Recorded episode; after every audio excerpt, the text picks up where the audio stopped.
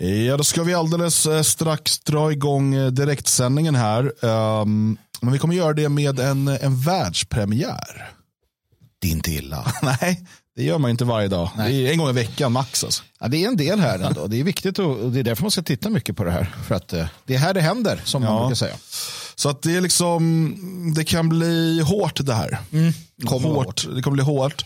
Hårda Om tag. du inte har tränat upp nackmusklerna, ta det försiktigt med headbangandet. Eh, för det, det, det kan vara farligt. Eh, och eh, det här är då ett Ja, det är en låt ifrån eh, någon eller några, eh, mycket anonyma människor detta, som kallar sig för eh, Subspecie Aterni Studio. Just det. Eh, finns ett gäng låtar på Spotify, på YouTube och, och lite annat. Den här kommer förmodligen inte komma på YouTube. Det är bara vi som är galna nog att spela den på YouTube. Ehm, utan den kanske kommer på BitChute eller liknande videoversioner i alla fall. Eh, och den heter Barbari, den här låten. Trevligt, barbari är ju bra saker. Den har tydligen eh, till stor del inspirerats av en av medarbetarna här. Jaså, Jalle, vad har du ställt till med nu då? Ja, Jag vet inte gudarna vad jag har gjort den här gången. Eh, Så låt oss eh, dra igång världspremiären av denna och gå gärna sen och kolla upp projektet själv på, på de olika plattformarna och lyssna vidare på det övriga låtbiblioteket. Nu kör vi.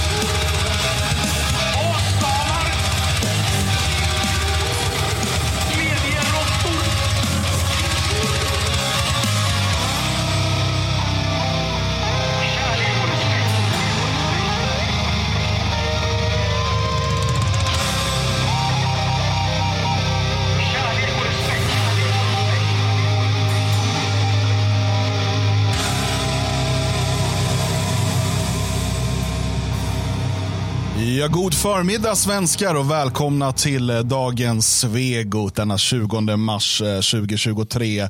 Och vi gjorde det på ett lite ovanligt sätt. Vi gjorde det med en eh, världspremiär här utav denna nya eh, visa. Eh, hade kunnat varit Bellman själv som hade skrivit den, men det var det inte den här gången.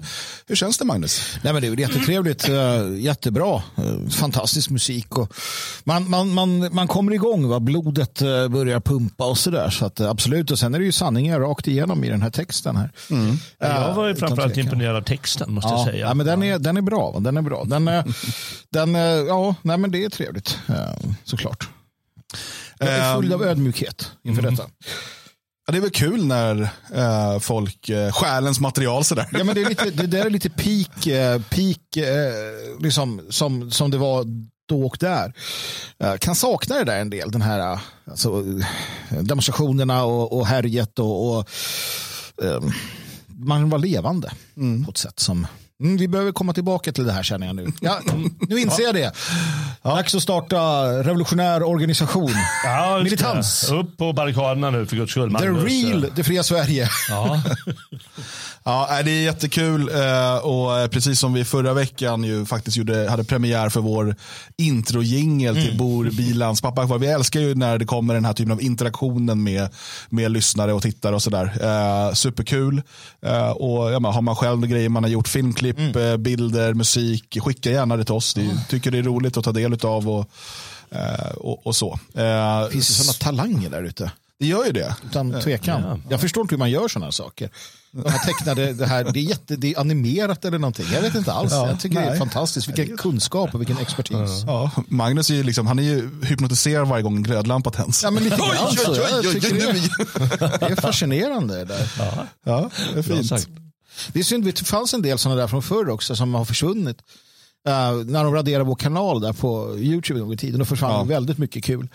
Uh, Det skulle ju vara kul när det kommer tillbaka och att nytt kommer naturligtvis. Uh, jag behöver inte stå i centrum varje gång men jag tycker om när jag gör det. Ja, eh, vi har ju ett eh, fullmatat avsnitt framför oss. Eh, vi ska ju prata om att det idag är 20 år sedan eh, USA eh, jag gick in med, med eh, marktrupper i Irak. Eh, vi ska även eh, läsa vad Yama Omar har att eh, berätta om eh, statens skyldighet att rädda somalier som skjuter varandra. Eller något sånt. Vi får se exakt vad det var han ville. Ehm, men eh, vi har ju även då här under eh, helgen fått presenterat för oss lösningen på integrationsproblematiken. På tiden kan vi Vi talade ju förra veckan om att integrationen kanske var död. Men det är den inte. Johan Persson ser till att den lever i allra högsta grad. Han har lösningen. Mm. Han är eh, snäppet vassare än Dan Eliasson på det här faktiskt. Utan tvekan. Utan tvekan. Nu kör vi, som han säger. Ja. Eh, och sen, eh, just det. Ja, sen eh, var det en lyssnare som bad oss eh, kolla in Marcus Allards senaste eh, inslag på Riks, Rikstelevisionen. ja, det är efter att Marcus Allard har kollat in vårt senaste. Just det. Eh, nej, men vi ska se vad den här Närkingen, eh, om han är något på spåren. Eh, om han har börjat liksom, eh, skärpa till sig nu, den här gamla, den gamla kommunisten. Kommunisten. Ja, jo då. Det kan nog vara Ja, så. vi får väl se. Jag ska prata lite grann om det i alla fall. Men jag tänker att vi börjar med årsdagen ändå. Det är 20 år sedan invasionen av Irak. Eh, Redan den 19 mars så gick man in med eh, bombflyg och lite annat. Eh, men den 20 mars så var ju den fullskaliga invasionen med, med marktrupper. Eh, och det här är ju ett, eh, alltså ett krig som någonstans satt tonen på hela det här ja, årtusendet hittills så att säga. Ja, ja. Eh, för först har vi ju då 11 september 2001 eh, och vi har invasionen av Afghanistan och Irak som ju på alla möjliga sätt är liksom starkt bidragande till eh, både framväxten av eh, internationella eh, islamistiska terrorgrupper, utav påskyndan av massinvandringen från de här områdena eh, och som har fått massor av följdeffekter eh, där Alltså, min min liksom väldigt snabba analys är ju att islamistiska krafter har fått ännu mer eh, styrka i många av de här områdena. Oh ja, de har ju tjänat på det här. Eh, även då alltså, djupa staten i USA eller oljebolag och allt möjligt. Det finns ju många som har tjänat på det. Väldigt många fler som inte har tjänat på det naturligtvis. Men man ska inte heller glömma, jag tror att det finns en mänsklig aspekt av det här som man inte ska glömma och det är att eh, kriget mot Irak som inleddes då för 20 år sedan, det var ju också en revansch. Eh, det var ju sonen Bush som skulle hämna pappa Bush fullständiga misslyckande när han gav sig på Saddam Hussein på 90-talet. Efter att Hussein hade gått in i eh, Kuwait för att eh, ställa till med lite ordning och reda där. Så det hade ju den första invasionen av, av Irak då som egentligen, eller den blev aldrig någon invasion. Nej, men det de var kom verkligen meningen. Det var ju ett försvarskrig av, av Kuwait. Ja, nej, jag är rätt. Jag, alltså, jag tror att man redan där ville komma åt eh, sin, sin gamla uh, bundsförvant uh, Saddam Hussein. Problemet var ju det att Saddam Hussein hade ju fått i princip garantier av USA att eh, du kan gå in i Kuwait och du kan, kan göra detta. Och sen när han gjorde det, med, med då, han var ju kompis med USA när det här sker. Och så gör han det. Och då kommer USA och bara, nej men så här får du inte göra. Och så liksom blir det problem med. Så jag tror det finns en rev- revanschism i det här också från, från sonen Ja, Bush. där. det är klart Men- det. Och, och det är inte, alltså storpolitik kan också vara så väldigt enkel ibland. Men sen finns det ju många andra intressen, framförallt oljebolagen och liknande har ju sitt där. Men det, jag tycker det är viktigt som Dan tar upp ändå, eh, jag ska bara nämna det innan vi går vidare, eller ni får säga ert, det är ju det här med att då Mujahedin i Afghanistan har varit allierade med USA under många, många år i kampen mot Sovjetunionen. För att Sovjet gick in i Afghanistan och då mobiliserade CIA och skapade Alltså, se, USA skapade den, den muslimska militans som ligger till grund för Osama bin Laden. Man finansierar och utbildar också i islamism, alltså de, de mujahedin i Afghanistan mot Sovjet. Och de här får man sen på halsen för man tänker att nej, men vi kan väl invadera Afghanistan. Ja, det är så vansinnigt dumt. Det, det är ju så det börjar allting. Så det är USA som ligger till grund för detta. Ja, ja de har ju, det, det sorgliga är att det är inte bara de som har klantat sig, utan sorgliga är att det är vi som har fått ta smällen. Och det är det som är det absolut sorgliga med det som hände givetvis i, i före detta Jugoslavien, det som hände i Irak och det som hände i Libyen. De tre stora puckarna, de har ju gjort att eh, invandring till Europa har jag- jag- jag- men det går inte att beskriva hur, hur stor det har blivit på grund av det. Jag måste bekänna, precis som jag gjorde förra avsnittet, att eh, eh jag hade förståelse för amerikanerna. De pratar ju om handlingskraft eh, och eh, man måste ju agera. Det stora problemet med USA det är att de klarar av att agera men de är värdelösa på att kriga, det vill säga följa upp segern. Ja? Varför gjorde de inte som Patton eh, sa att nu rullar vi vidare mot Moskva när de ändå var igång och tar itu med kommunismen, den riktiga fienden. Eh, nej men det är på något sätt att de, de haltar när det kommer till kritan. Va? Ja, bra att köra igång. Man förstår ju, ja, men vi kanske säkrar den politiska stabiliteten. Ja, det lyckades, misslyckades de med, men de, intentionen kanske fanns där. Eller de vill skapa demokratier. Jo, jo. Eh, de kanske vill eh, ha kontroll över oljehandeln och eh, en massa olika saker. Och eh, de lyckas kanske initialt men eh, ja, fallerar i slutändan. Och det är ju väldigt sorgligt. Det är typiskt USA. De är ganska dåliga på det där måste man verkligen säga. Sen ska man ju inte, eh, man får ju inte missa den komponenten här utav eh, eh, Israels intressen i regionen. nej, självklart. Eh, det, det är ju inget snack om att APAC och många andra starka liksom, lobbygrupper i USA, eh, pro-israeliska, judiska och så vidare, eh, har ett intresse i det här och att Saddam Hussein var en dålig eh, ledare för Israel.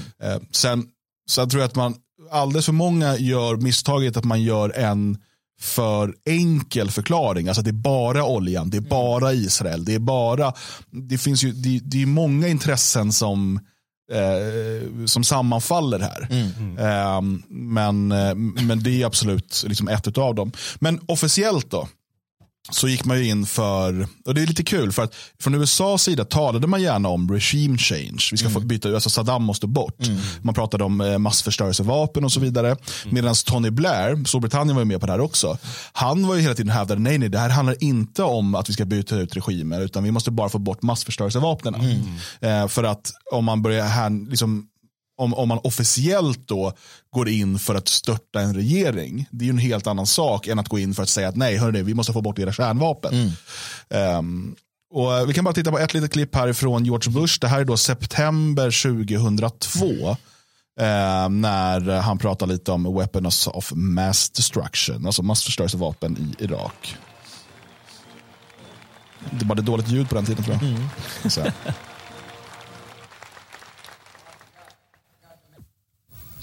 I take the threat very seriously. I take the fact that he develops weapons of mass destruction very seriously. I remember the fact that he has invaded two countries before. Det er är skillnad från USA. I know for a fact that he's poisoned his own people. Hmm. He doesn't believe in the worth of each individual. He doesn't believe in public dissent. I, I look forward to a, a dialogue Ja, eh, där har vi då Bush och sen har vi ju en till här då. Eh, tänkte bara vi kolla på vad, vad, bara någon månad innan invasionen då så är det Colin Powell hos ehm, FN. Eh, och eh, vi kan bara kolla lite i början här för att det finns flera eh, intressanta delar. everything that we know. But what I can share with you, when combined with what all of us have learned over the years, is deeply troubling. What you will see is an accumulation of facts and disturbing patterns of behavior. The facts in Iraqis' behavior, Iraq's behavior, demonstrate that Saddam Hussein and his regime have made no effort, no effort to disarm as required by the international community. Indeed, the facts and Iraq's behavior show that Saddam Hussein and his regime are concealing their efforts to produce more weapons of mass destruction. None of this should come as a surprise to any of us. Terrorism has been a tool used by Saddam for decades. Saddam was a supporter of terrorism long before these terrorist networks had a name. And this support continues. The nexus of poisons and terror is new. The nexus of Iraq and terror is old. The combination is lethal. With this track record, Iraqi denials of supporting terrorism take their place alongside the other Iraqi denials of weapons of mass destruction. It is all a web of lies. When we confront a regime It is all a web of lies. Den som sa det, han var det. Eh, vad vi vet nu är att ett, det fanns inga, eller åtminstone om man inte hittar några, så kallade massförstörelsevapen i Irak. Och vi vet också att man visste det här från USAs sida. Att det här var en lögn för att kunna, eh, för att kunna eh, motivera invasionen av Irak.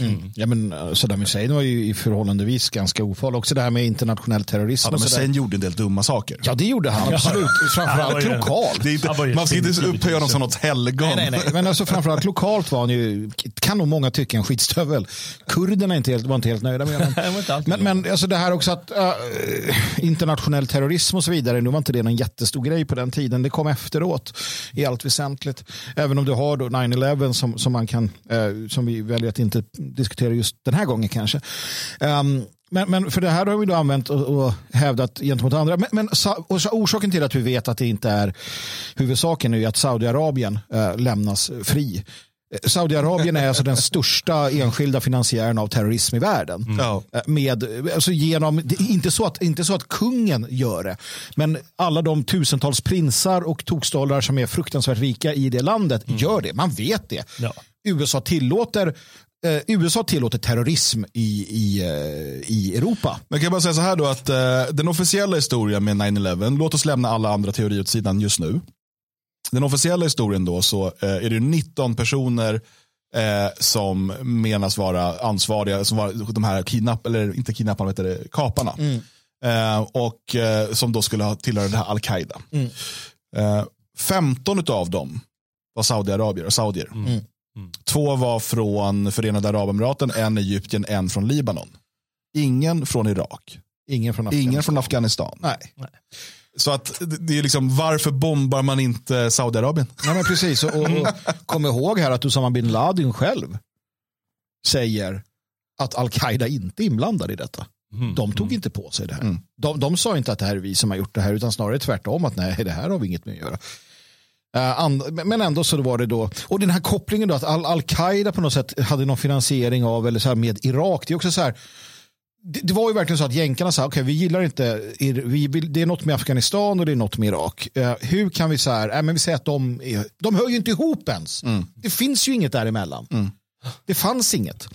Nej, Amerikanernas, eh, jag vet inte, ska säga deras problem, det är alltså ett, ett problem i, i hela den moderna världen, det är att man vill försöka vinna legitimitet för det man gör. Jo. Och att eh, gå i krig så här det handlar givetvis om, om legitimitet. Alla som har eh, startat krig mer eller mindre har ljugit givetvis. Lite så här småfifflat inför, ah, ja, men, de, ja, men de kom ju mot oss eh, så vi försvarar oss bara, haha, då köttar vi på. Va? Ja, men, vem har inte gjort på det sättet? Eller kommit med små tricks som Bismarck gjorde 1870. Eh, Det, det är så man gör, men den här otroliga stora apparaten som man lägger ner på att komma med de här fåniga lögnerna. Mm. Man måste väl räknat ut med röven att det, och vad händer om det avslöjas? Nu sitter vi med brall, bra- brallorna ner och måste skämmas och tycka Mm. att folk tycker att vi är idioter. De tor- torskar ju jättemycket på det här, amerikanerna. Så jag ska säga otroligt klantigt genomfört hela grejen. Men kom ihåg också, det, det, jag tycker man ska göra det. Det var ju inte så att USA hade ett massivt stöd runt om i världen för detta. Nej, Alltså, de var väldigt ensamma. Eh, Det var Storbritannien de. Och jag menar, minns ni när, när fransmännen sa nej, det här är inte vi med på. Så de sa, ja, då slutar med french fries. Ja, freedom freedom fries. Alltså en, en ganska samlad, också Europa sa så här, nej det här, det här är inte bra. Man gjorde ju inget, man kan ju inte göra någonting. Men man, var inte, man, man stöttade inte invasionen av Irak. det gjorde man inte. Inte till en början, men sen så började Sverige sen skicka FN-trupp Ja, och sådär. Ja, det men, blev det så småningom. men eh, för då när invasionen och liksom kriget eller ockupationen till och med var ett faktum. Ja. Liksom. Då var det liksom bara att Eh, ställa in sig. Men eh, nej, och, och, och så var det. Jag, jag själv eh, gick ju där tillsammans med osnutna vänsterungar i demonstrationståg på Stockholms gator. eh, demonstrerade mot den här invasionen. Eh, och, och Det står jag, står jag upp för även idag. Eh, jag kan inte rå för att det också var dåliga människor där. eh, det var ju mycket folk ute. Det var ju st- jättestora demonstrationer eh, i, i, runt om i, i hela världen säkert. Men, men också i Sverige då, i Stockholm. Ehm, och, så det, det fanns ju, och det här var ju på den tiden då också vänstern var emot USAs invasionskrig. jag vet precis. inte om de är det längre. Nej, det är de väl inte Nu egentligen. för. De ha mycket våld givetvis, så att världen ska brinna och så. Ja. Eh, nej, eh, jag menar, det var, egentligen var det samma sak eh, i, Jugoslavien. Där var också väldigt många nationer eh, eh, emot. Eh, det var USA som givetvis var, var de som eh, var, var med, mest för bombningar av, av Serbien. Så det där är ett stort problem hur de eh, Alltså de sjabblar väldigt mycket amerikanerna måste man säga. Ja. Eh, Vi ser det ju hela tiden, Fort, fortfarande är det så. Det beror lite grann på också. Alltså, absolut, då, det, man vill ju kunna visa framgångar. Men man måste också förstå den inneboende naturen i ett imperium. Ett imperium behöver krig. Ett imperium Ja. behöver krig jämt. Ett imperium behöver krig långt borta ifrån hjärtat av imperiet. För att du måste hålla dina soldater övade. Du måste utveckla ditt militärmaterial. Rom var i ständigt krig. Rom ville ha krig överallt. Långt bort från gränserna. För att slipa svärden, för att få bra soldater. För att kunna så. Ett, ett imperium måste ha krig. USA måste ha krig. De vill ha krig, men de vill aldrig att kriget ska ta slut. Samma sak med Ryssland, samma sak med Kina som behöver krig. Kina har inte krig. Kina behöver ett krig. De måste ha ett krig någonstans. Ja, det måste de ha, ja. Det är liksom så imperier fungerar. Jo, ja, men det, det är sant det du säger. Men det är därför de måste, om de nu vill hålla på med sina krig, så måste de ju göra hela den här legitimitetsfrågan Ja. annorlunda. Det är ju där amerikanerna har brustit så mycket och man tycker det är lite pinsamt. Det är klart att vi lever ju, det hade varit mycket enklare om världen varit i krig på ett annat sätt. Då är det mycket lättare att agera. Och nu måste man hålla på och fippla så Ja, fruktansvärt mycket varje gång. Och, eh, det, det, blir, det blir dåligt. Jag tror inte det kommer bra saker ut ur det. Nej, titta också kriget mot eh, knarket. Det är också ett, I Sydamerika det är ständiga krig där också har de haft det. Och det är ju samma, av samma skäl. De behöver krig. Du menar där, där USA både har stått för kriget mot Ja. terrorn och CIA har stått för leveransen av Precis. knarket. Eller kriget mot eh, knarket Ja, men. Kommer ni ihåg Manuel Noriega? Mm. Invasionen av, av eh, nu ska vi se, det var Panama. Eller var det, jag kommer inte ihåg. Nicaragua? Nej, Panama. Panama, Panama. Ja. Från ingenstans också lite grann. Så här. Nej, hela USA så här, nu ska vi slå ner mot den här Manuel Noriega som var tidigare C- CIA liksom affilierad. Eh, fantastiskt vad de har hållit på där nere. Ja. Ja. Så, så, så har väl i och för sig alla gjort. Jag menar, även Ja, eh, under kalla kriget ha det. Det var, ju, det, krig. var ju, det var ju vanligt där under kalla kriget. Men eh, på något sätt det känns som det var statsmannamässigt fungerade det lite bättre då. Det var ju i och för sig disaster, det var det ju. Ja. Ja. Det var ju många proxykrig, alltså Afrika var Det ju ett elände fram och Ja, tillbaka. det är men, och det är fortfarande det. men återigen, jag menar, och, och, om man ska så här vara krass, och det ska man ju kanske vara, eh, för, för så här, svensk försvarsindustri och svenska försvaret så är ju Ukraina-kriget jättebra. Vi kan, skicka, självklart. vi kan skicka observatörer, vi kan skicka utrustning. Tänk på alla de här, alla de här militärerna man läser om historien, Archibald hit och dit. De åkte ju runt hela världen och var med i krig för att få erfarenhet. Och svenskarna tyckte det var jättebra. Åk ut och kriga där och var där och där och så vidare. Det är så eh, nationer alltid har gjort. Framförallt imperierna. Framförallt imperierna. Ja. Ja. Man, får, man ska inte glömma att eh, man, man måste ha mm, man kan inte bara såga dem sådär. Sverige har också varit imperium eh, Ja. på, på 1600-talet. Det är vi positiva till. Va? Absolut. Ja, nu går vi ner och krigar på kontinenten. It's okay when we do it. Ja, precis. It's okay when we do it. Ja. Men så man måste ju ändå förstå att imperietanken, ja, men ligger ju någonting i att eh, så, så gör man om man har chansen och vill bygga någonting. Eh, Det är bara att man måste bygga det ordentligt. Ja. Ta Nej, men- tusan. Vad, vad sa den där greken? Uh, krig är alltings moder. Alltings moder eller alltings fader. Det får du välja själv. Kanske Ja. både och. Ja, både och. Det är en tvekönad sak som det kommer något ur. Ja. Ja, eh, 20 år sedan den fullskaliga invasionen idag. Ett krig som har fått ordentliga efterverkningar. Eh, inte bara för alla de stackars eh, civila som, som bombades och sköts och för de eh, amerikanska unga män som skickades eh, dit för att dö eller skadas eller bli traumatiserade. Utan också för Europa och eh, den eh, massinvandringsvåg som har följt eh, på grund av oroligheterna i den här regionen.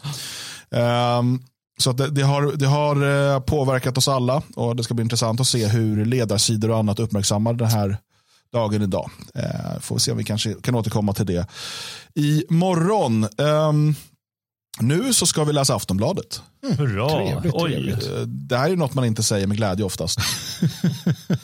Eh, vi ska läsa eh, den här. Hans son sköts. I Sverige har hundar mer värde än våra barn. Oj, oj, oj. Det är Jalles syrra, då, Lisa Horn, som har skrivit Ja. en artikel. Och, eh, ja, du kan ju inte ta ansvar för vad hon gör. Liksom. Nej, det tycker jag inte han kan göra. Nej. Alla har ju våra syrror. Ja, precis. Eh, Det här är bland det bästa faktiskt, om man jämför med våra andra syrror. Ehm, och eh, de pratar med Yama Omar. Eh, han förlorade sin son i en skjutning i augusti 2021. Ingen har dömts för mordet konstaterar man. Och eh, det är såklart, jag menar, jag kommer göra mig lustig över Yama Omar snart. Men jag vill ändå bara lägga in den lilla brasklappen att det är klart att det är en tragedi för varje person som eh, måste begrava sitt barn. Eller som, alltså jag, jag förstår att, att han är eh, bedrövad över det. Men när jag läser den här artikeln får jag bara känslan att den bedrövelsen riktar sig åt lite fel håll. Att det finns ett, ett det finns eh, eh liksom, eh, ganska tydligt inslag av att inte ta eget ansvar, vare sig som individ och familj eller som folkgrupp, utan att det är alltid någon annans fel att saker och ting sker. Han säger så här, du skaffar barn, uppfostrar dem och när din son blir 20 år skjuter någon honom och allt är förlorat. Allt man investerat är borta, säger han och Så tittar ut går, i det, luften. så går det inte till för alla, ska tilläggas också. Ja, men det är så är det tydligen. Allt man har investerat, det är också så här roligt. Ja, investerat. jaha. Det var skördetid efter 20 år. Det. Han skulle börja jobba, Ja. jag skulle få peng, Jag man får ingen barnbidrag mer. Åh. Ja. Ja, det gjorde ont. Han menar också att det rättsliga systemet inte fungerar och menar att man skulle behöva filma ett mord från planering till genomförande för att det ska hålla en svensk domstol. Han är väldigt, väldigt arg på att man är oskyldig tills motsatsen är bevisad, att man behöver bevis i rättegångar och sådär. Jag tycker det är väldigt bra. Det är synd att inte fler döms för de brott de begår. Men jag tycker det är väldigt bra att det krävs bevis. Ja, det tycker jag också är en fördel. Faktiskt ändå. För att det, jag menar, eh, om du inte kan bevisa att det var Ali som sköt eh, Omar, då kan du inte fängsla Ali. Men, men han vill säga, man kan väl hugga hand åtminstone, hugga handen! Jag vill inte Eller jag, vara- alltså det, det känns så här, kritiken här är så jävla underlig. Liksom. jag vill inte vara den, va? men så här. Nu vet inte jag vad Jalla, eh, Jalla Omar, heter han det? Jalle Omar. Nej, jag Ja, något sånt. Ja, i alla fall. Jama Omar, han är Jama katt, katt, Ja. kattekille. Ja, eh, jag vet inte var han kommer ifrån. Men, Somalia. Ja, Somalia. Jag vet inte om det är i Somalia, men jag vet att i flera afrikanska länder, det kan man läsa om man läser afrikanska nyheter, så grips till exempel får eh, och sätts i fängelse. De sätts i cell av polis för att f- det kan ha varit en schaman som, som våldtog någon och förvandlades till ett får och hittade polisen fåret så tar man den och sätter i fängelse. Det är på riktigt. Alltså på riktigt så sätter man djur i, i celler i Afrika. Ja. Alltså gör det och sen så, så har man rättegång mot den. Och så här domaren så här, well you must, uh, jag vet inte, han pratar som en indier av någon anledning nu också. Men så här, du måste erkänna och gör inte den det. Så här, men erkänn nu och bli människa annars så, så får du avrättas. Och så de där jävla schamanerna vill aldrig avslöja sig själva. Men, men samtidigt Det- som, man, som man är sur på att det krävs eh, ordentlig bevisning för att fälla någon så menar han också att det rättsliga skyddet inte är lika för alla. Nej, just det. För att han säger så här. Skjutningar sker över hela Sverige men har drabbat det somaliska communityt extra hårt. Staten ansvarar för invånarnas säkerhet men vi anser inte att våra barn ingår i det skyddet. Okej. Det är tydligen skjuts extra mycket bland somalier. Och det är statens fel för att de skyddar inte somalierna. Ja. Jag undrar vad som pågår liksom i hans tankevärld. Återigen, nu är, det, nu är det två år sedan hans, hans son sköts och sådär. Jag, jag förstår att man är ledsen och upprörd och han hade velat mörda den straffades. Jag förstår allt det där. Men ja, det skjuts mer bland somalier än bland vissa andra grupper. Men är det då, det är alltså statens fel att, att det skjuts bland somalier. Han säger, han har, det är han som har uppfostrat sitt barn säger han. Mm, precis. Då kanske det är ditt det är fel. hans fel förstås. Ja, men alltså, hur är det sta- varför är det statens fel att somalier skjuter varandra i högre utsträckning än andra folkgrupper? Men det där är ju en, en eh, det är ju naturligtvis inte. Eh, Eller ja, det skulle kunna vara. Det är lite beroende på hur. Staten har ju ändå varit de som ligger bakom den, den liksom, politik vi har, har haft. De har liksom lockat hit människor från världens alla hör. Och så, så på sätt och vis har han ju, så, så precis som vi kritiserar staten utifrån den politiken, men vi säger också att vi svenskar har ett ansvar. Men jag märker ju också hur nära liksom, en, en, en sd och han står varandra eh, i att så här att eh, någon annan är till någon annan är ansvarig för alla mina problem. Eh, och nu måste staten lösa dem åt mig. Eh, istället för att så här, staten ska hålla käften och vi löser våra egna problem. För det vill man inte göra. Nej. Så att det finns en likhet här också. Man, det, jag tycker det är intressant att se hans tankevärld och hur man tänker i de här områdena. För medan vi står här och säger att, att alltså utlänningarna har det bättre på det, att de får liksom bidragen och allt vad det nu är, så sitter ju han och bara nej, hela staten är rasistisk och hatar mig. Så vi är ju inte överens om, om världsbilden. Mm. Nej, verkligen inte. Jag skulle säga att jag är inte överens eh, om någonting. Om det nu är så förskräckligt. Eh, först ska det lätt att vara efterklok givetvis. Men varför tog han inte, eh, när han såg att sonen är gängkriminell och riskerar att bli skjuten och antagligen skjuter andra också. Varför tog han inte pojken och åkte hem till Somalia och säger nu har jag tröttnat på den där skiten. Hur kul är det nu Somalia? ska vi leva i Somalia. Fan, de... Sen är han ju sur på staten också för att de har inte fått pengar för att kunna åka på semester och vila upp sig. Nej, just det. Just det det. är- Nej, det är sant. Det Alltså på allvar, jag skojar Ja, inte. ja, ja. Han säger det. Så här, efter mordet berättar Jan Omar att hans dotter och mamman satt i varsitt rum i 19 månader chockade och traumatiserade. Oj. Jag hoppas de åt någonting också för annars är det jättejobbigt. Annars är de döda. Sitter där än. Han har inte öppnat dörren än. Han bara, de har suttit där inne i 19 månader jag väntar de kommer ut snart. Jag låste, de har inte Det knackat. kan vara den där geten. Ta geten. Alltså här, I sin sorg kunde de inte återhämta sig. Jag har till och med försökt söka stöd för att de ska kunna åka utomlands lite. Bryta situationer och komma, komma bort för att återhämta sig. Men jag fick inte en enda krona i hjälp. Nej, inte en krona. Alltså hur fräck människa är det här? Ofattbart. Och jag säger än en gång. Du sa att hans dotter. Han har en dotter. Ja. men är det inte dags att dra nu innan det händer något med henne också? Jävla idiot säger jag bara. Men det är ju, det är ju helt självklart. Eh, Det är väl så man gör. Ja, men det här funkar inte. Det här landet är ju dåligt.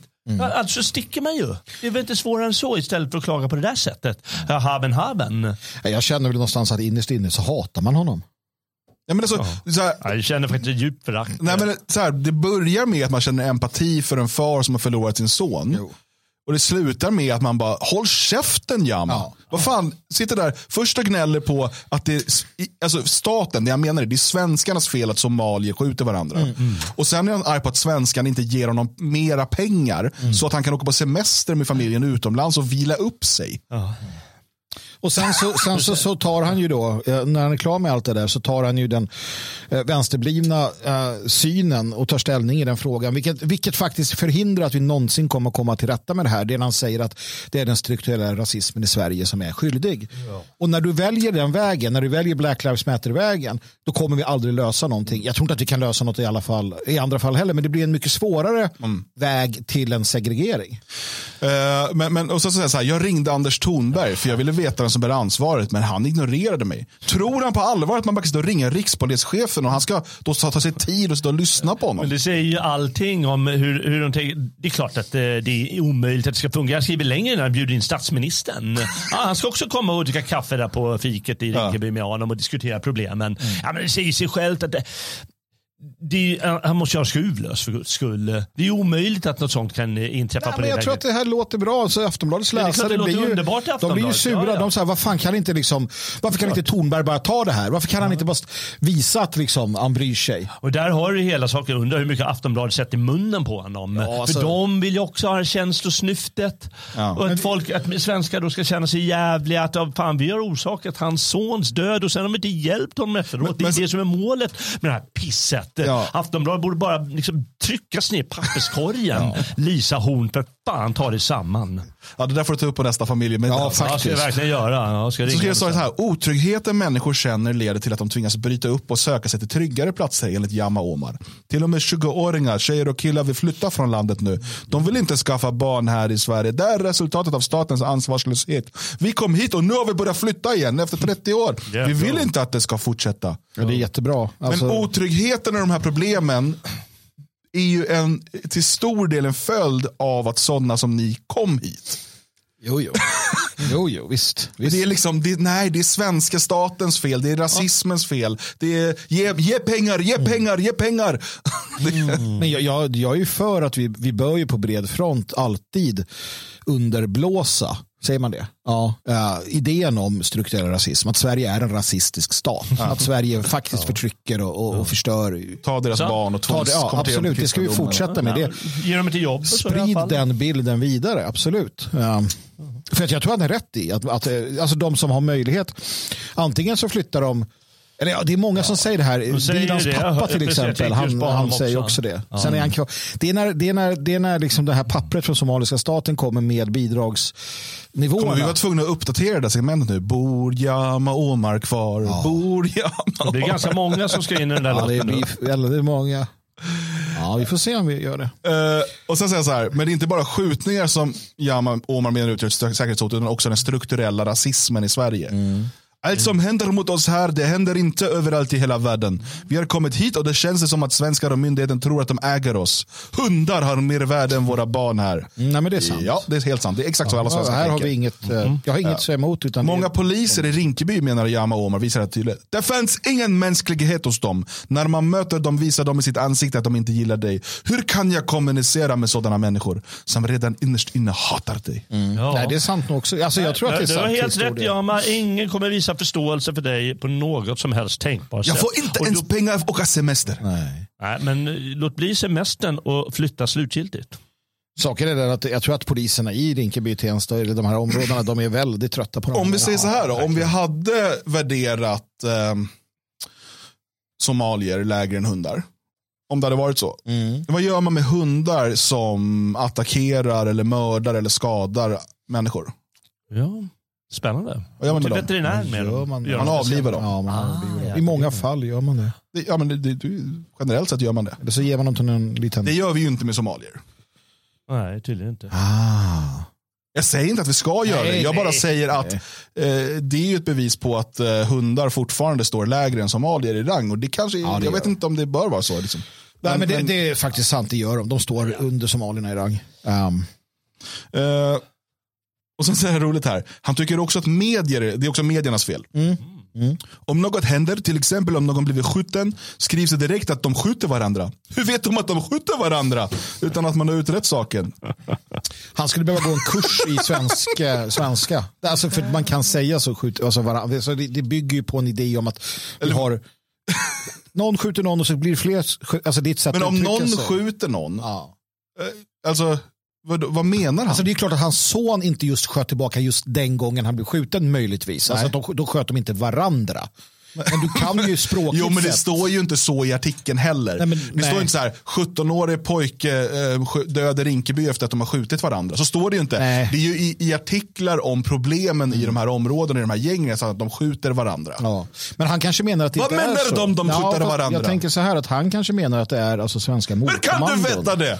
Svenska mordkommandon Har du sett? som är Har ute du sett? och skjuter invandrare.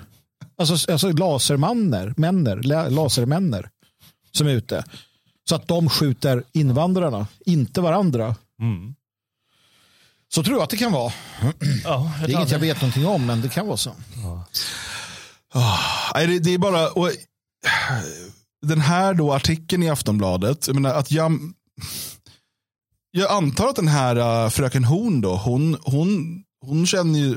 Jag vet inte, vad vill hon, vad vill hon med den här artikeln? Ska vi tycka synd om Jan Omar? Eller Ja, vad, det är klart. Finns det någon svensk som läser det här utan att bli arg på Ja. Jan Omar? Nej, det är jätte... ja visst, det är många som eh, börjar snyfta med. Jag lovar dig, du fattar inte hur många det är. Försöker, Det är jag en del i försöker, opinionsbildningen. försöker förstå Lisa Horn här. Alltså. Står och tittar på henne nu. Jag vet inte riktigt. Ser hon är. verkligen tom i själen ut. Ja, tom i blicken nu, Ja, faktiskt. Och eh, Ser lite ledsen ut, får jag säga. ledsen också. Nej, ja. Undrar om hon är en äkta rödhårig. Det ser ut som det här om man tittar på ögonen. Ja, jag vet inte. Jag kunde inte uttala det. Med, jag kunde inte utläsa något om det. Men eh, hon har skrivit Ja, ja. annat eh, också. Ja, inte för att jag ska Hur läsa man, den. hur man lär sig sticka till exempel. Uh, Ukrainas hbtqi-personer fruktar ockupation. Uh, ja, Hon, man Vilken ser nästan kunna tro journalist? att hon är en typ av aktivist, journalist här va? ja, kanske det. Grekisk ö. Det är invandrare som råkar illa ut där också. Ja, stackars.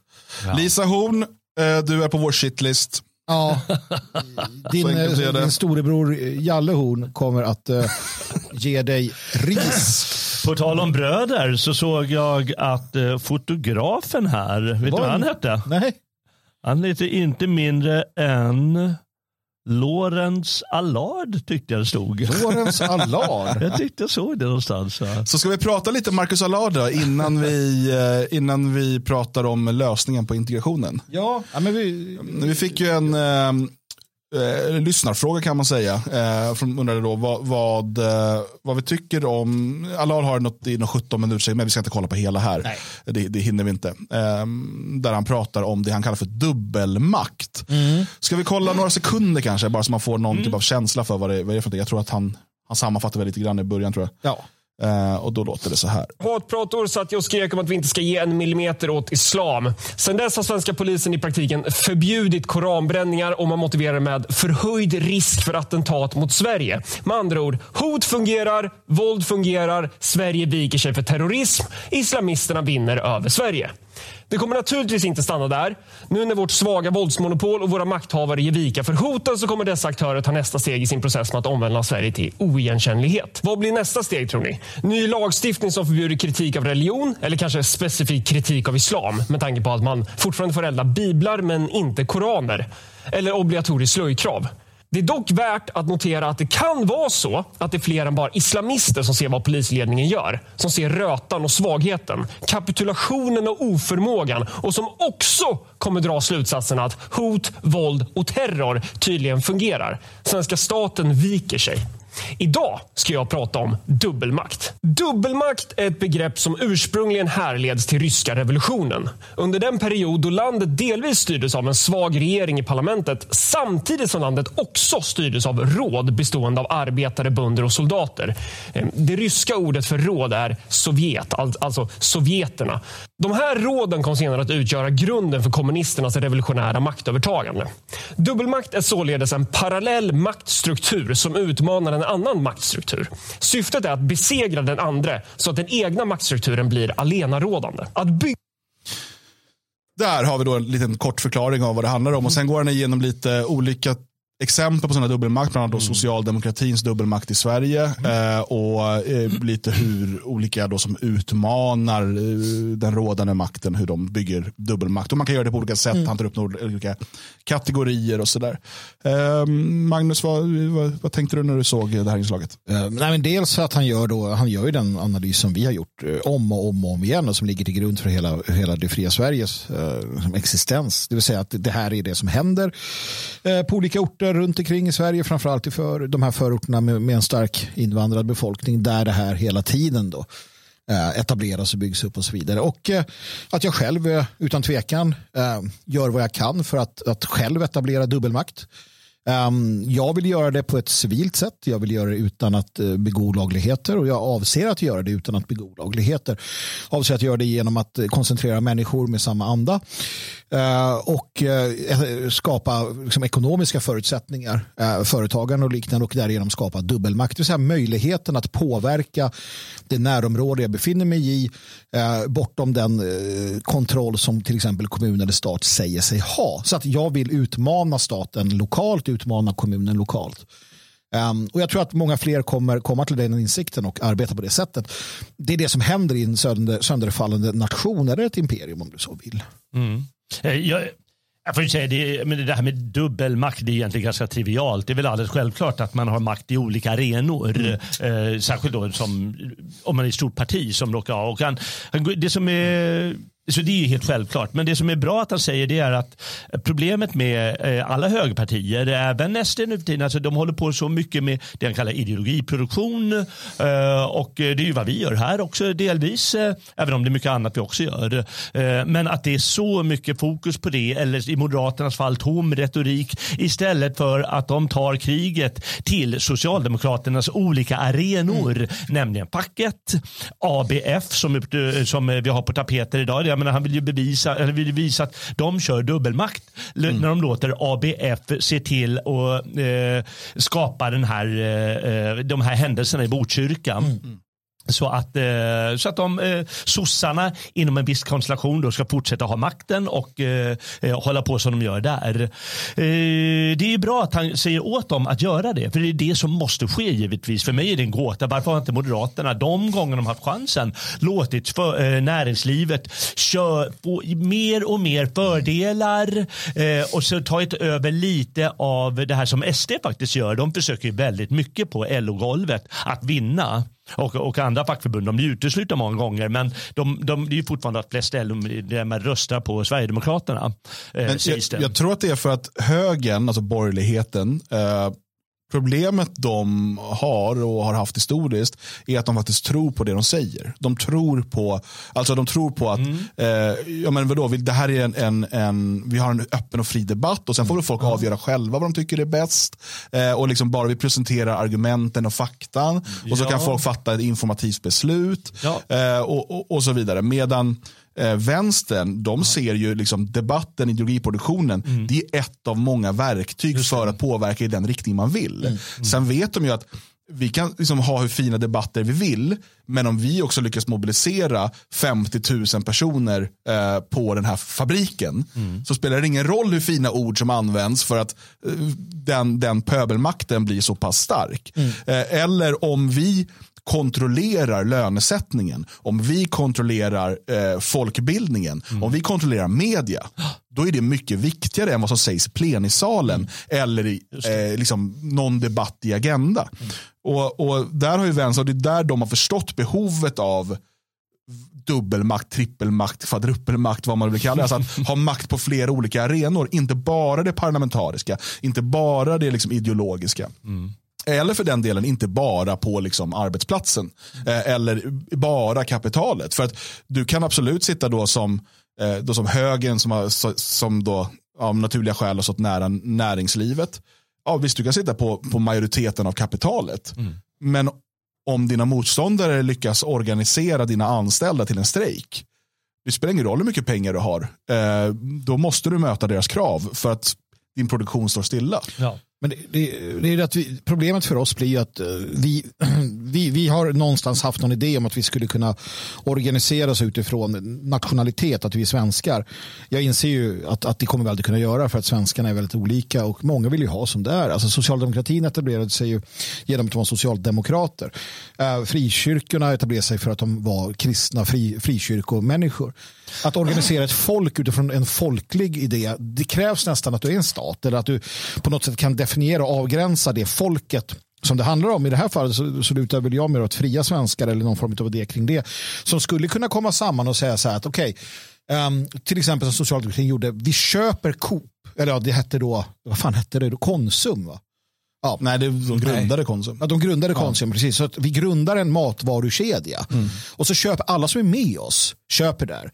När vi försöker det så skiter ju många i det. För att man inte har det lojalitetstänket. Arbetarrörelsen skapade tidigt en väldigt stark ingrupp som också då kunde göra de här sakerna. Då var det ju bara att, att anpassa sig på Men, men det finns ju också, för vad, vad organiserar man sig runt då? Egentligen finns det som jag ser det två saker du kan organisera dig kring. Jag tror inte att nationalitet alena är en sån sak. Nej.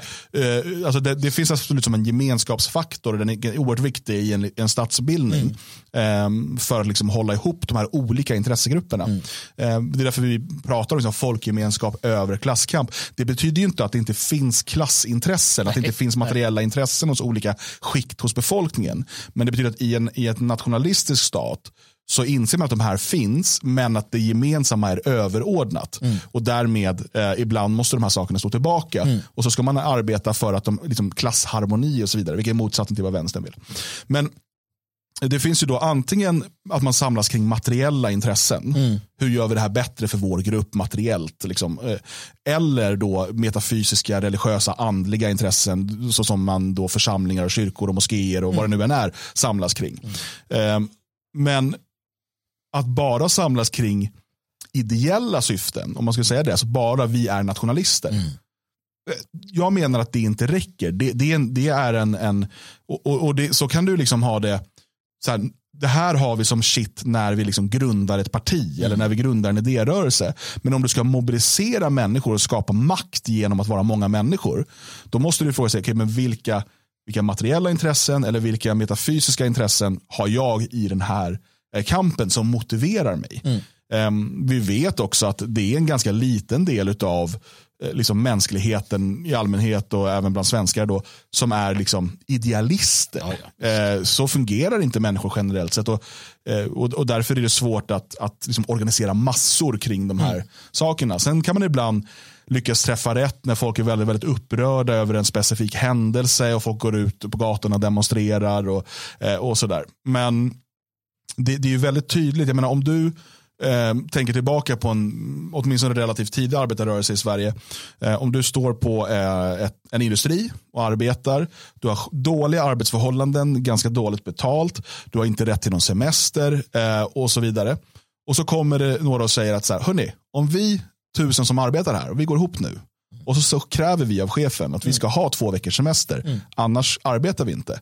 Det är väldigt lätt för dig att förstå, ah, vänta, jag hänger på det här, då får jag två veckors semester.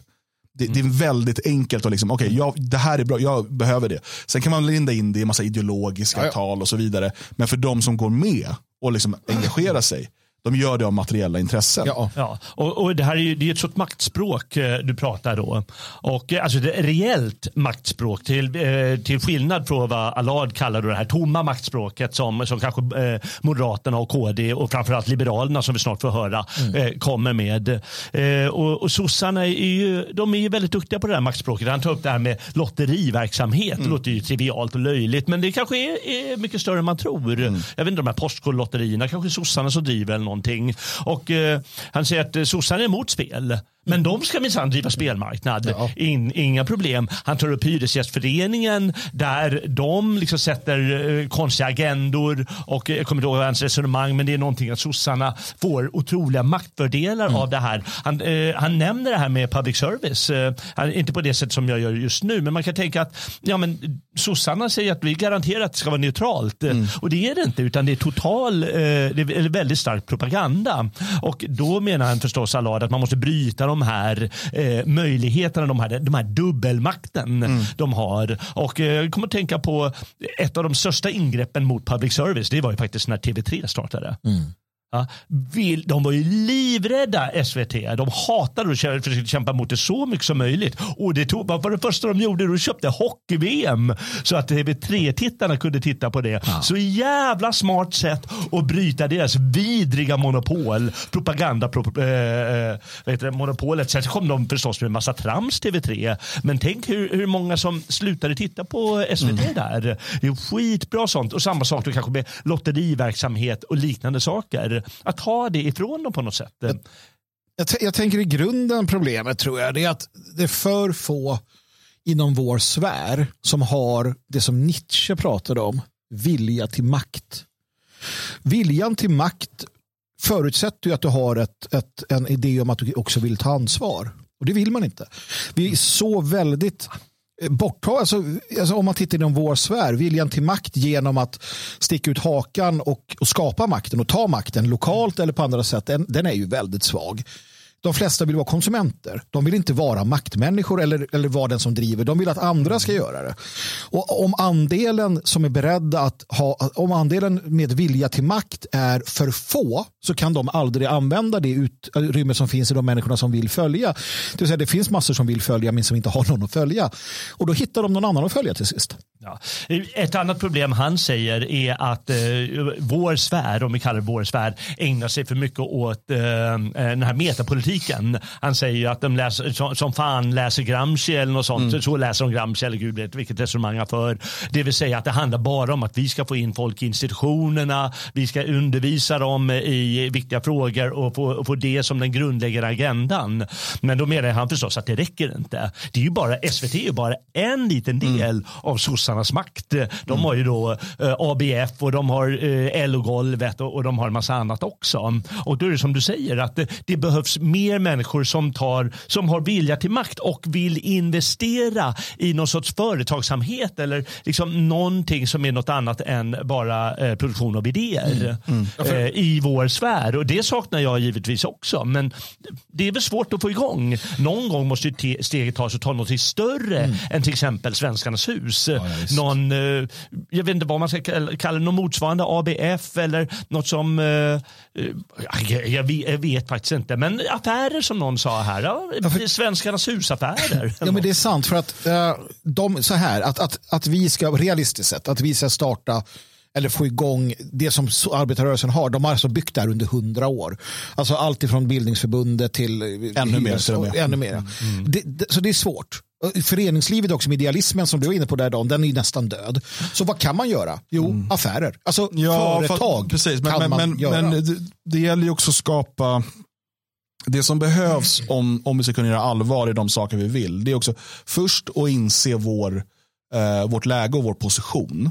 Eh, folk i gemen överskattar hur många människor det är som faktiskt är anhängare av vår sak idag. Oh ja. det, jag säger inte att det inte kan ändras. Men, men det, det är för att alla lever vi i våra bubblor på sociala medier och liksom kanske med våra vänner. Eh, jag menar, vi som arbetar med det här dagligen och sen har våra evenemang här, vi skulle kunna få för oss liksom att fan, hela Sverige är ju med oss. Liksom. Eh, och, och Man blir lätt eh, hemmablind. Eh, och Då måste man inse att i dagsläget så är vi en ganska liten grupp människor som är engagerade i de här frågorna.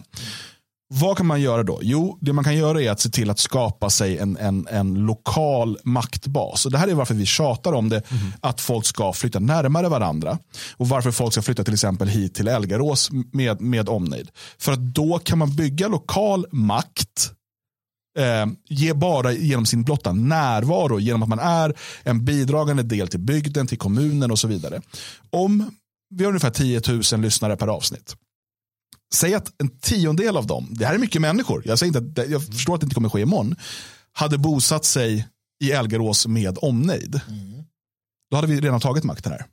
Alltså de facto makten. Ja, I- Då pratar jag inte om någon väpnad revolution. Eh, utan jag pratar bara genom att vi är så pass många som är organiserade och har en gemensam vilja. Eh, så hade vi kunnat eh, påverka varenda fiber i den här orten och i den här kommunen. Ja, utan tvekan. Så, så enkelt är det.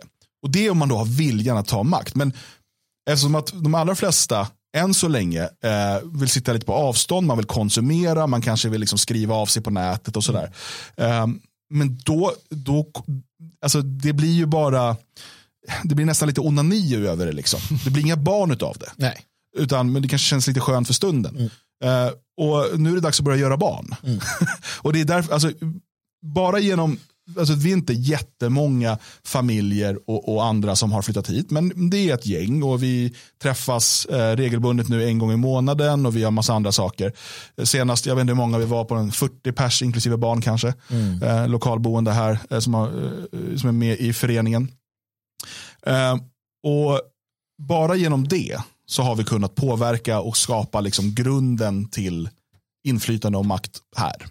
Eh, men om fler svenskar hade haft viljan till att faktiskt skapa den här lokala maktbasen så hade vi, för det är det här man måste göra, man måste bygga det först. Du måste börja där för att då, sen dels kunna sätta ett exempel men också genom det bygga upp resurser så att den här maktbasen sen kan bli bredare och bredare och, och, och och är, liksom, ta över fler, eh, fler områden. Det, det, är- det är precis som att eh, om, eh, om idag, under lång tid så har till exempel nationella invandringskritiker, Sverigevänner varit duktiga på sociala medier. Syns så mycket i de där. Om det startas en, en ny social media idag som heter Face Twitter eh, och det kommer en miljon svenskar dit, men bara en nationell, bara en invandringskritiker kommer inte märkas någonting. Det är ju för att det är tusentals och åter tusentals som är inne i alla kommentarsfält och så vidare. Det är då man skapar, liksom att då får man inflytande över debatten. Och då måste de hitta på nya sätt att, att stoppa kommentarsfälten eller spärra dem från Facebook eller vad det nu är. För att då, man blir så pass många att man, man faktiskt tar, man, man utövar makt. Och då är det makt över ideologiproduktionen. Men vill du skapa också makt över liksom den, den fysiska verkligheten där du befinner dig, ja då behöver vi vara många som bor nära varandra och därmed kan driva företag, ta över verksamheter på orten eller se till att de åtminstone är sympatiskt inställda till oss. Eh, organisera de boende för att kunna säga ifrån när politikerna gör, begår övertramp och så vidare. Men det kräver en lokal maktbas och den får man bara genom att ta sig i kragen, packa ihop sina saker, flytta dit och vara beredd att bygga någonting. Mm. Jo, och som, som eh, det här gamla Mark Twain-citatet, det har följt mig sedan jag liksom började engagera mig. I, i, I början av en förändring skriver han i Patrioten sällsynt eh, Uh, någonting, någonting och föraktad. Uh, för då kostar det rätt mycket att vara patriot. Sen så när saken röner framgång så ansluter sig allt fler för då kostar det inte så mycket. Och det, det, det, det har varit så hela tiden. Eh, när, vi, när vi stod i princip ensamma eh, och, och förde den nationalistiska strävan för 30 år sedan eller för vissa fall för 40-50 år sedan så var det jobbigt. Sen kom det allt fler och nu en massa nu dyker allt möjligt folk upp och säger ja men det här är bra, det här har jag gjort och tänkt nu, något nytt här och så. Och det är som det är med den saken. Eh, Allar till exempel, han är en av de senkomna eh, som, som jobbade precis tvärt emot det här för bara 10 år sedan eller 15 år sedan. Min, ja, ännu mindre. Ännu mindre. Så, och, och, och nu är han liksom en fram, och hyllas som en framträdande figur och det är väl jättebra att liksom vår sak röner framgång. Samma sak är det ju med till exempel arbetet i Elgarås. Det, det är ett fåtal eh, som, som gör det, som slår ner bopålarna. Och sen är de flesta väldigt senfärdiga och, och väldigt saktmodiga i detta. Av en massa olika skäl.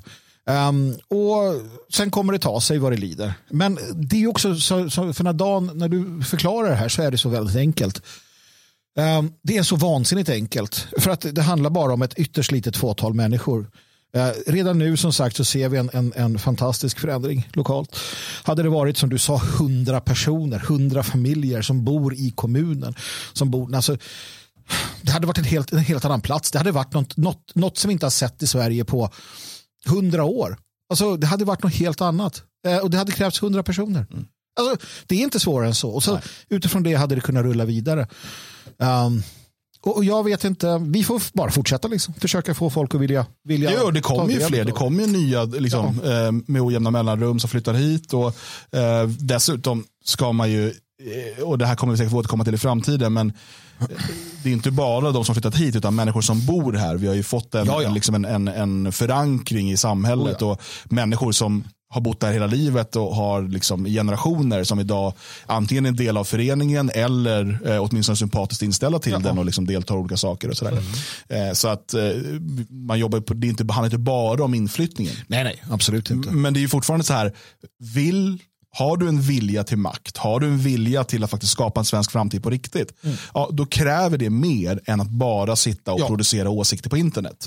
Det är ett verktyg, det är därför vi sänder den här radion varje dag. Det är ett av många verktyg, men om det är det enda vi gör i, som kollektiv, som, som liksom nationalister, ja, då kommer det bara skapas mer åsikter. Så är det. Och folk kommer tröttna på det. Det är väldigt viktigt, får man aldrig glömma. Att ja, men man slutar lyssna på det där efter ett tag. För det kommer inget mer. Eh, men om det inte skulle gå då så kanske integrationen kan vara- Lyckas till sist. Ja, det är, alltså, varför inte ge det en chans igen då kanske? Ja. Har vi några bra idéer? Ja, Det ehm, någon som brukar komma med bra idéer. Vem är det? vi har ju en eh, nyfascistisk regering. Ja, det har Det. Ehm, nej, eh, det var ju var, var det väldigt tydligt efter valet här. Att, eh, det tog ju alla upp också där lite om hur de eh, faktiskt eh, med ehm, Ja, men hur, hur man då konstaterade att nu har nazister och fascister tagit makten och sådär. Och, Ja, Eh, bilens pappa vill inte bo kvar och sånt. Han bor fortfarande kvar, i alla fall i fredags. Vi får se Ja. nu på fredag hur det går för honom. Men eh, nu eh, har man ju då hittat en, en ny lösning, eh, tror jag. Då, eh, och det är då, kommer från Liberalerna, stöds av Sverigedemokraterna. Detta ska sägas. Eh, och vi minns ju då Liberalerna, de har ju länge varit så här, ja, språktest. Det, det har varit en grej. Men nu har man då tagit det här ett steg längre eller ett steg kortare. Jag vet inte, ett steg i alla fall. Eh, Ett steg bakåt kanske. Och eh, den nya lösningen heter samhällskunskap. Regeringen vill införa en ny och obligatorisk kurs i samhällskunskap för nyanlända som man kallar Sverigekursen. Den ska vara mer omfattande än den undervisning som idag erbjuds. Det här är högt prioriterat för Liberalerna, säger partiledare Johan Persson på partiets riksmöte idag. Vi tror att det är helt avgörande för integrationen. För ska människor ha en chans i Sverige, och det vill vi, eh, då måste man förstå hur Sverige fungerar. Att en sån här utbildning behövs är regeringspartierna och Sverigedemokraterna redan överens om. Men nu ska det utredas hur den bör läggas upp. Johan Persson säger att Liberalerna vill se en kravmärkt integrationspolitik. Och den nya utbildningen ska alltså vara obligatorisk. Och Det klimatsmart. är jätteviktigt att det är obligatoriskt. Det är, det är en signal att eh, välkommen till Sverige, eh, här är reglerna, nu kör vi. Nu kör Och vi. det ska dessutom klaras av ett prov. Vad händer om man misslyckas på det? Ja, då får man ju göra en omtenta. Det har ju människor gjort eh, i hela sitt liv. Ett, eh, ett nytt prov om man har misslyckats på det i skolan. Det här handlar ju naturligtvis om att se till att människor lägger manken till och verkligen tar till sig kunskaper om det svenska samhället. För har man inte dem, då är det väldigt svårt att leva tillsammans i Sverige. Okej, tror, tror Johan Persson och Sverigedemokraterna och Kristdemokraterna och Moderaterna på allvar att anledningen till att integrationen av 2-3 miljoner invandrare och barn till dessa invandrare eh, som har kommit de senaste 40 åren beror på att de inte har fått kunskapen. De har inte fått eh, liksom, information om hur det svenska samhället fungerar. Ja, att det är där det brister. Det har inte varit tillräckligt många, tillräckligt många foldrar ifrån Socialstyrelsen. Eller vadå? Ja, men de måste tro på det. De måste tro på det. För att om de inte tror på det så finns det bara ett annat alternativ och det är att de har misslyckats med allt och haft fel från början. och det kan de inte säga. Det går inte. Ska Johan Persson säga att han vet att han har misslyckats. Han vet att projektet är dött. Han förstår det. Jag är helt övertygad om att de här förstår det. Men vad ska han göra? Ska han säga det att nej, men Ulf Krist, alla ska bara stå i hand och bara nej, vet ni vad svenska folket, vi har gjort fel i 40 år. Det kan de inte. De måste med näbbar och klor. Och de är beredda att offra din dotter. Din dotter får gärna dö, mördad av främlingar för att de ska slippa erkänna att de har fel. Det, det är så illa det är. Ja, det, det, det är helt rätt, helt rätt det du säger. De kommer bara fortsätta och fortsätta och fortsätta. Men problem, eh, ja, ur Johan Perssons perspektiv och hans sketna partis perspektiv så gör han givetvis helt fel. Han, gör det, eh, han gör som Marcus Allard varnar för. När han säger att de ska studera samhällskunskap, då är det att de ska gå en ABF-kurs eller något motsvarande. Fattar ni det? Sossa, han säger, gör som sossarna vill. Det är det, det, är det hans eh, recept är. Alltså mördar han sitt eget parti i det ögonblicket. Och så kommer det bara gå ännu mer åt helvete. Ja, Det är verkligen otroligt vad han och hans polare är korkade. Alltså det är skämt som en hund. Har verkligen, hur många tu- hundratusen har röstat på Liberalerna? Det måste ju vara För hundratusen. många. Ja, det är väl 200 000 någonting. 200 000, alltså vilka jävla mitton. Men Dan, vad tror du det här med SD där? De har gått ner på det. Tänker, vad, vad, Ja men det är klart de går med på det. Alltså, de ska de säga, nej men det är CP. Ja, men det är väl kanske de... Ja, jag, jag, jag vet inte. Det här är väl en del av Tidöavtalet. Liksom. Eh, men, men, men tror Jimmy på det här? men tror någon på det här? Det är det som är frågan. Ja. Jo, men jag tror att de är så insynade. Ja, men det är nog bra. Alltså. Men Jimmy kan inte tro på det. Han kan inte det. Han lyssnar på Thule för fan. Och sen så här, okej det ska vara obligatoriskt. Men då, då, och då var det så här, då var det kul, de sa så här, efter man har en månad på sig och då ska man ha lärt sig språk och det här och det här och det här. Och sen klarar man inte det, då får man åka hem. Men vad händer då? Ja, vad händer om man inte kan det? Ja. Men jag tror Ja, att- det blir omtenta då. Omtänt, det betyder jag tror Det betyder ingenting. Det här, är som, det här är som Sovjet eller andra imperier. Så här, eh, du hamnar i maktens positioner som Jimmy och de har gjort. Eh, och du inser att du kan inte förändra. Du kan inte förändra det här. Han inser det, han sitter med hela SD, hela den makten de har och så inser att det här systemet är gjort så att det inte går att förändra. Så vad fan gör jag? Jo, eh, vissa av dem jobbar och tror att de kan förändra. Man jobbar, men till sist så här, nej men vi tar mutorna. Eh, Vi skyddar våra egna. Men alltså det enda de gör här det är att skapa mer jobb till deras eh, polare i transferiatet. Alltså de som lever på skatteinbetalningar. Det kommer ja, men som ABF eller vad det nu blir. Det blir någon ny myndighet. Kanske kan sätta någon gammal partikollega och vara ansvarig för det här. Fem års jobb eh, med liksom 80 000 i månaden för att ta fram någon jävla kursmaterial för att somalier ska lära sig att liksom kissa ståendes eller sittandes eller vad det nu är. Målet är, jag vet inte. Här sorterar du hundbajs, här är kamelbajs. Jag vet inte vad de ska lära sig. Vad, vad, är det, vad är det man ska lära sig på den här? Är det att älska homosexualitet? Kanske. Och, och liksom, man Det ska får ju inte... utredas, det vet vi inte. Det, Ja, de, men det- kan, de ska utreda det, det kommer ta ett tag. Ja, det kommer det göra. Men det, det, men det patetiska är ju svaret givetvis. Ja, men fan, kör igång de här proven som du sa. Men det blir inga omtentor. Utan Nej. då är det som du säger, då får du åka hem igen. Ja, man har bara fallucka under i provrummet. Liksom. Den som inte klarar det bara fuff, ner till krokodilerna. Ja, då är det i alla fall lite, på, då är det lite Och kul. när man, när man, TV-sänd skiten. när man resonerar så, så inser man att det är ju inte det är ju ett helt uddlöst vapen.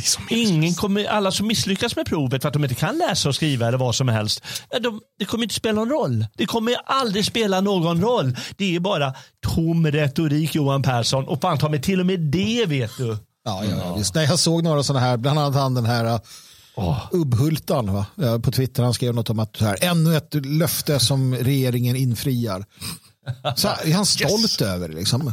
Ja, han blev ju, han blev ju rånad av, av eh, blattar på Stockholms centralen eller vad det var. Skrev om det, så här, men det här fortsätter, det bara fortsätter. Um, som sagt, ger oss rätt då. Och det är väl tråkigt att ha rätt i de här fallen. Återigen då. Men det är ju så komiskt också, vi måste kunna, man måste egentligen bara skratta åt dem. Ja, Åtminstone Johan Persson, ja, Ja. ja, ja. Jag såg här eh, vår, eh, eh, vår, vår eh, Twitterkompis herr Husis ehm, skrev, och då var det för det kom en moderat och la sig i här nämligen. Ehm, som skrev, nu vänder det. Skrev. var lite roligt. Eh, och eh, då ska vi se om jag kan få fram här, eh, sa det. Då tar vi hennes namn från början Abdi. Pippi Lotta, Victoria. Fuck jag kan inte bror. Vem fuck heter rullgardinje?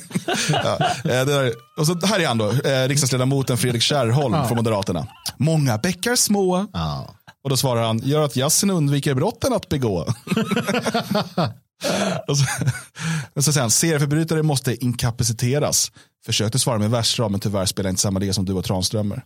Alltså, många bäckar små. V- vad- vilken å är det de här bäckarna ska bli? Många bäckar små i hur många år? Ska bli vilken jävla å? Ja, var, var, vart ska Vad- den, men alltså, ja, men det är så här, bara man gör saker så är det bra. Nej, men så länge det, det här är ju en bäck, så Ja. den är bra. Bara, jo, men den liksom håller på och skapar eh, liksom en å som kommer bli till en flod som kommer att översvämma hela den här stan. Ja, många bäckar små. Mm. Precis. ja det är ju roligt. Men, eh, hur många SFI-lärare finns det?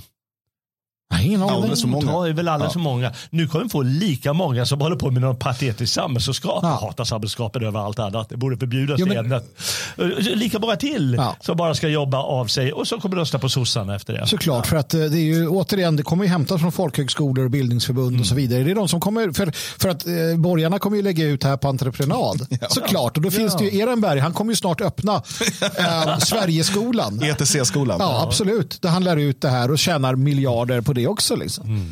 Ja, sossarna kan sko sig. Eh, Och de har makten alldeles oavsett vem som sitter vid makten. Det är fantastiskt. Så, Otroligt. nu vänder det. Nu vänder det. Nu vänder det. Nu vänder det. Det är på gång nu alltså. Ja, fan vad härligt ändå, fascisterna. Vilken, vilken mysig fascism vi fick. Fan vad odugligt. Inte ens fascism kan vi göra bra. Nej, verkligen inte som det. Ja. Oh, ja, nej, det här är ju då eh, Tidöavtalet. Eh, vi får se. Eh, så fort man klagar på det, så här, men de har inte fått tillräckligt med tid. Så bara, jo, men de har haft tillräckligt med tid på att avskaffa föreningsfriheten, eh, inskränka yttrandefriheten, eh, göra allt de kan för att pusha in oss i NATO, eh, men inte då för att stoppa invandringen, för Nej. den fortsätter ohämmat. Däremot har man en utredning om kanske man ska ha lite samhällskunskap för de nyanlända. Men Dan, eh, du eh, står ju fortfarande fast vid att det här kommer spricka. När tror du att Tidöavtalet spricker? Har du någon profet Senast, eh, innan valet? senast hösten innan valet, ja, alltså ett år innan valet. Ja. Tänker att på upploppet kanske man liksom Ja, men känner det, beror sig på, stark. det beror helt på opinionssiffrorna. Mm. Om det fortsätter så här och liksom SD känner, känner att det går dåligt, KD kanske ligger under spärren, men Skyttedal kanske har tagit över som partiledare. Vet inte precis. Kan vara så. Eh, så behöver man nog liksom göra någonting åt det här. Mm. Eh, sen är det så här, är det för nära in på valet så kommer det inte bli extraval för det är för tajt in på. Liksom. Ja, Vi får se. Mm. Eh, men jag, jag, jag, hittills så kan jag inte se hur SD har tjänat på det här. Och det kommer ju en hel del rapporter inifrån nu liksom att eh, det, det gnisslar ordentligt. Jo. Eh, många, och jag, jag tror inte att SDs väljare är speciellt nöjda. Nu är de lite, många av dem, speciellt de som syns på Twitter och sådär, de är ju väldigt sekteristiska och liksom heja Jimmy vad, vad han än gör. Men eh, eh, och det är dags att börja leverera resultat också. Ja, men frågan är varför skulle jag rösta på SD om jag är en vanlig liksom, svenne när, när, när Moderaterna ändå pratar precis på samma sätt och har liksom mer, ja, men de är mer respektabla. Ja. Det, det, ja, det är svårt. Jag tror inte att de, nej. Mm. Det är ett annat program. Det är ett annat program och imorgon blir det ett annat program. Ja. Kanske inte just det programmet, men det ja. blir ett annat program. Eh, och det kommer bli ett bra program tror jag. Eh, det är ändå tisdag. Precis, och tisdagsprogrammen är ju kända för att vara en, några av de bästa programmen vi har. Ja, tillsammans med måndagsprogrammet och sen har vi ja, torsdagsprogrammen är otroliga. Onsdag och då, rockar ju också. Ja, och sen har vi de legendariska fredagarna. Oj, För vi sänder ju varje vardag klockan 10. Otroligt. Så otroligt. Tack till dig som är stödprenumerant och eh, gör det här möjligt. Vi är tillbaka imorgon klockan 10 och då ska vi se om vi får hit Lisa Horn och ställa henne till svars eh, för hennes artikel. Vi kan inte lova något, men vi ser fram emot det. In på detfriasverige.se och är du medlem eller blir medlem i Det Fria Sverige, glöm inte att anmäla dig till det digitala föredraget med Magnus på lördag. Familj, folk, nation och tradition. Precis. Inne på friasvenskar.se. Syns imorgon. Ciao, ciao.